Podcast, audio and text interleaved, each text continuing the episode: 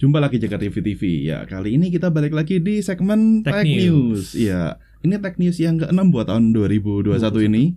Ya, berhubung ada beberapa berita menarik ya di hari ini Yes. dan beberapa hari lalu. Nah, Ah, maksudnya setelah weekend. ya. Jadi kita coba lagi ulas beberapa berita menarik itu di dalam video kali ini. yes.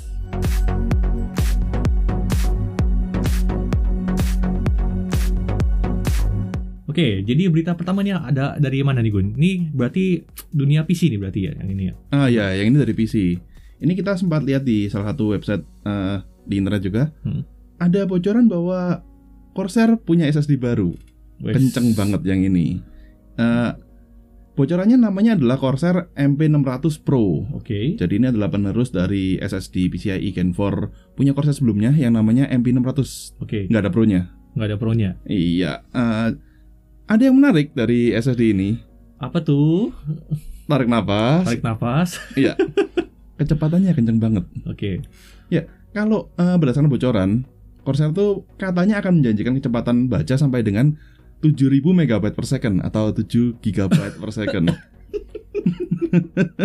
Untuk bacanya yang tadi, kemudian tulisnya mencapai 6,85 GB per second atau sekitar 6850 MB per second. Buset.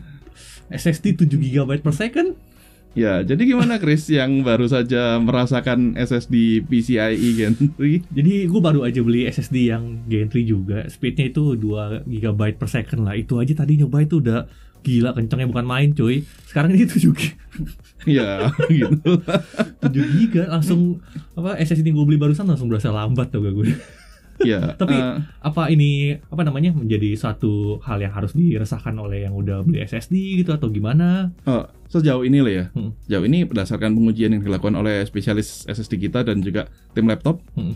eh, SSD PCIe Gen 4 ini memang bisa menunjukkan kecepatan tinggi. Hmm. Ini kan generasi keduanya Ya. atau generasi keduanya SSD PCIe Gen 4. Oh.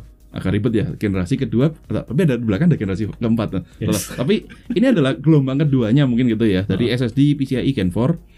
Sebelumnya tuh kecepatannya juga udah sekitar di 4,8 GB per second sampai 5 GB per second. Untuk yang produk sebelumnya ya Iya, tapi melihat perbedaan kecepatan itu kayaknya wah dari 3, sampai 4, berapa gitu. Sejauh ini untungnya, ya untungnya loh ya. Hmm. Belum banyak skenario yang bisa memanfaatkan kecepatan yang jauh lebih tinggi ini. hmm. Jadi ya kemungkinan besar yang kelihatan banget itu buset di benchmark kelihatan tinggi banget hasilnya Yes. gitu. Sama mungkin kalau copy-copy file eh, gitu masih ada berasa untuk kecepatan yang lebih tinggi ini selama misalnya kita pakai apa ya basisnya dari SSD yang sama kencengnya ke SSD yang kenceng ini juga Hmm. itu akan kerasa tapi kalau kita masih sekedar ah, transfer file dari SSD eksternal apalagi kalau pakai SSD eksternal ya kecepatan setinggi ini juga nggak ada pengaruhnya juga Overkill cuy Iya Dan juga sementara kalau untuk proses ya Nah. beberapa proses gitu dicoba juga performa yang performance gainnya itu nggak sampai segitunya tinggi jadi untuk yang punya SSD PCIe Gen 3 untuk yang bener-bener bagus lah ya itu sebenarnya nggak usah terlalu wah punya gue udah ketinggalan jauh atau macam-macam gitu jadi SSD lu masih aman kok si aman ya si aman Iya.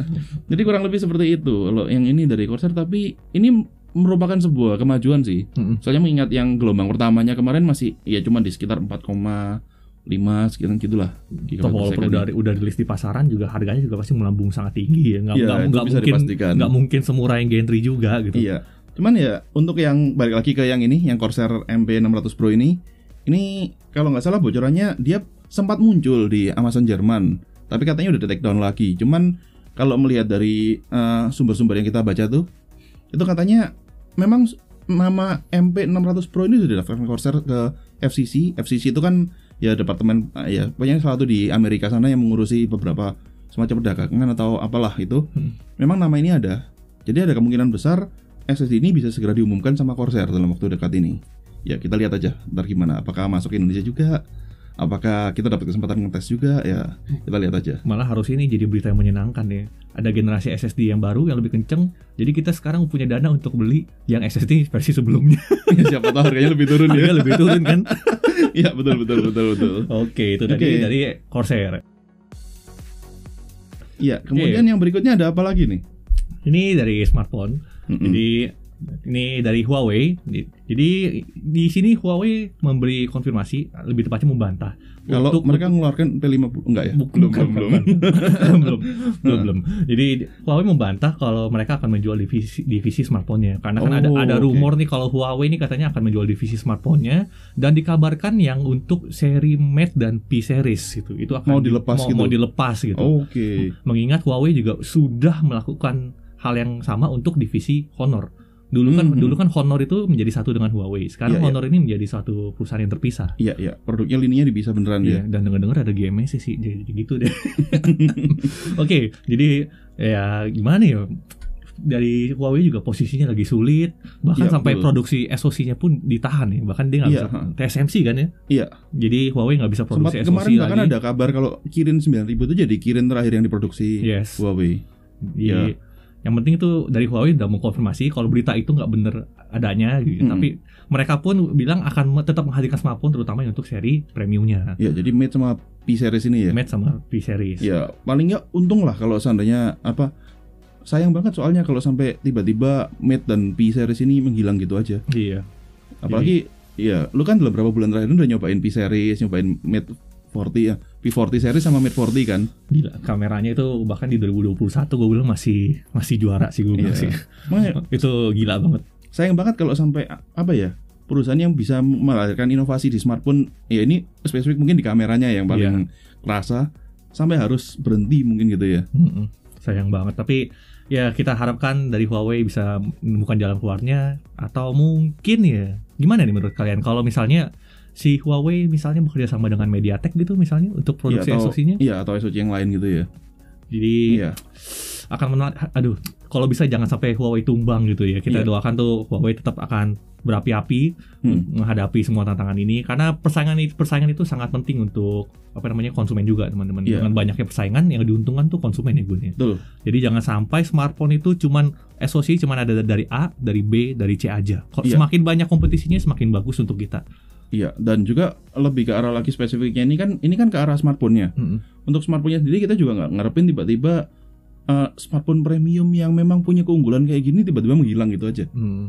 Ya, paling nggak eh, Huawei kalau udah bilang kita konfirmasi hal itu nggak benar, kita komitmen tetap melanjutkan smartphone kita, yaitu paling nggak udah jadi satu hal yang melegakan buat kita sih. Hmm. Paling nggak kita bisa bisa ada kesempatan lah buat mencoba inovasi berikutnya mereka. Dan juga Semoga. dan juga terima kasih untuk Huawei Indonesia terutama ya karena Indonesia masih dianggap pa- pasar yang berpotensi untuk Huawei. Bahkan Huawei pun masih nggak menghadirkan flagshipnya di Indonesia loh teman-teman. Mm-mm. Dan juga terima kasih juga untuk mungkin kalian yang pengguna-pengguna setia Huawei supaya eh, karena kalian juga Huawei bisa bertahan di Indonesia. gitu. Mm-mm. Pertahankan. Semakin banyak kompetisi semakin bagus. Ya, dan kita punya kesempatan buat nyobain barang-barang premium yang menarik itu. Betul. Betul. Oke. Oke, itu tadi dari Huawei. Next Sekarang kita lanjut. lagi?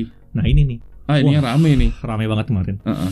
Ya, Ah. ini dari Kominfo ya gue. Iya, mulai kapan sih ramenya Jumat, Sabtu, Minggu ya? Minggu kemarin lah itu heboh Iya. banget di jaga di forum jagat juga pada bahas itu. Ah, iya iya, iya betul betul betul.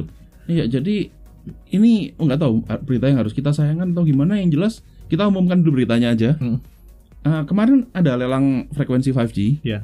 Yang sudah dilakukan terus pem- pemenangnya itu sudah diumumkan Desember kemarin. Yes. yaitu siapa ada? Ada Tri. Tri Hutchison ya? Iya, Hutchison itu Tri ya benar. Terus ada Smartfren dan Telkomsel. Mm. ini untuk eh, band di sekitar frekuensi 2,3 GHz ya nah sudah diumumkan menangnya tapi tiba-tiba kemarin ada berita kalau dibatalkan Sayang sekali. iya Jadi mungkin ini sebuah pertanyaan besar gue nih. Iya. Kenapa gitu? betul Kenapa?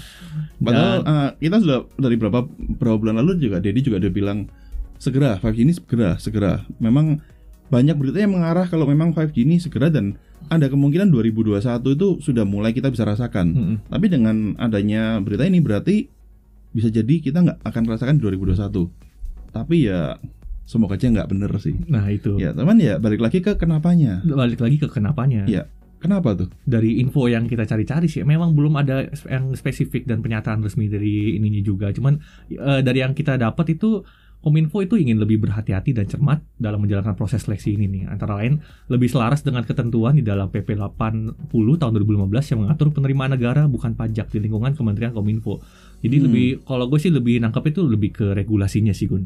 Iya. Jadi emang penataan regulasi itu nggak mudah untuk untuk aturan mainnya dan Hmm. juga eksekusi teknis di lapangannya mungkin juga daripada si Kominfo meluncurkan 5G yang nggak beres gitu, mendingan dimatengin dulu baru akan Iya. diluncurkan. Bisa jadi seperti itu juga sih kalau Nah. lihat dari itunya. Tapi mungkin menurut lu implikasinya apa nih buat kita nih sebagai konsumen? Atau yang kebayang ya kayak tadi itu yang gue sebutin. Bisa jadi 5G agak mundur implementasinya di Indonesia. Nah itu. Kan soalnya berarti ini kemungkinan besar akan ada proses lelang ulang untuk eh, frekuensi 5G ini. Atau nggak tahu sih. Ada kemungkinan juga kan sebenarnya eh, mungkin mereka tetap bisa apply 5G tapi dengan memanfaatkan eh, frekuensi-frekuensi yang sudah mereka pegang, band-band yang mereka pegang ini kan. Sebenarnya kan semua operator tuh udah punya jatah dan mereka tuh juga harus bayar lisensi buat frekuensi itu kan Hmm. entah gimana mungkin siapa tahu tiba-tiba ada peraturan memungkinkan mereka buat upgrade lisensinya itu ke 5G. Jadi tetap aja implementasi 5G di Indonesia bisa 2021 ini tapi ya kita nggak tahu kita tunggu saja ke- sebenarnya dari kominfo-nya sendiri gimana. Hmm. Ya, tapi sebenarnya gimana ya? Mungkin kita juga harus ngerespon ini bukan jangan, tiba-tiba menghujat atau apa pihak-pihak Itu tertentu. poin yang ingin kita tekankan ya karena Iya. ketika berita ini muncul gitu, itu yang muncul di komentar netizen tuh ya hujatan duluan. Iya. ketimbang apa namanya eh, memberi semangat lagi, ayo Kominfo cepetin dong, cepetin dong. Gitu. Iya. Sebenarnya mungkin kita bisa mungkin lebih banyak kan diskusi lebih ke arah 5G ini apa sih manfaatnya buat kita? Mungkin kayak Hmm. gitu ya. Jadi mungkin itu bisa jadi dorongan juga buat Kemenkominfo sama operator seluler juga. Gimana orang-orang udah lihat kalau 5G ini memang ada gunanya, banyak manfaatnya, ada upgrade-nya dari 4G sebelumnya. Yes. Tinggal gimana ngelihat apakah ma- masyarakat itu punya antusias. Jadi jangan tunjukkan antusiasme itu dengan menghujat. Dengan menghujat. Iya, Semakin dihujat ya mereka juga merasa ini kalian tuh nggak butuh gitu loh. Nah, siapa tahu makin males ah enggak ada kalau daripada dihujatin gini terus ya udahlah makin lama makin lama kita semangatin aja siapa tahu Semangatin dengan aja. disemangatin 5G-nya lebih cepat hadir Yes. kita lebih cepat merasakannya ya mungkin kayak gitu Ingat sih ya, kita salah satu yang ingin menekankan juga jangan dihujat kalau misalnya ada keluar berita kayak gini. Kita, mari kita bareng-bareng eh, dorong Kominfo dengan cara yang positif teman-teman. Mm-mm, betul, Jadi betul. jangan pakai hujatan. Heeh. Oke, oke jadi kemudian lanjut ke berita berikutnya. Nah kali ini kita eh, mungkin tukeran dulu gitu. heeh, Nah beritanya dari game. heeh. Ini ntar. lu nggak pede ya bawain yang ini Nah ini karena bukan bidang gue. Mm. Coba sini. ya udah Kita ambil narasumbernya. Ini ntar pakai edit editan tiba-tiba Oh. ngilang dulu gak? Shit, Oh. gitu. Oh, usah. Kalau kehadiran gue nggak pakai editan video ala Jinio Jini gitu atau turunan bio, tang kembali ke sini. Oke. Ini semuanya tergantung editor, oke? oke oke Harus ada efeknya, oke?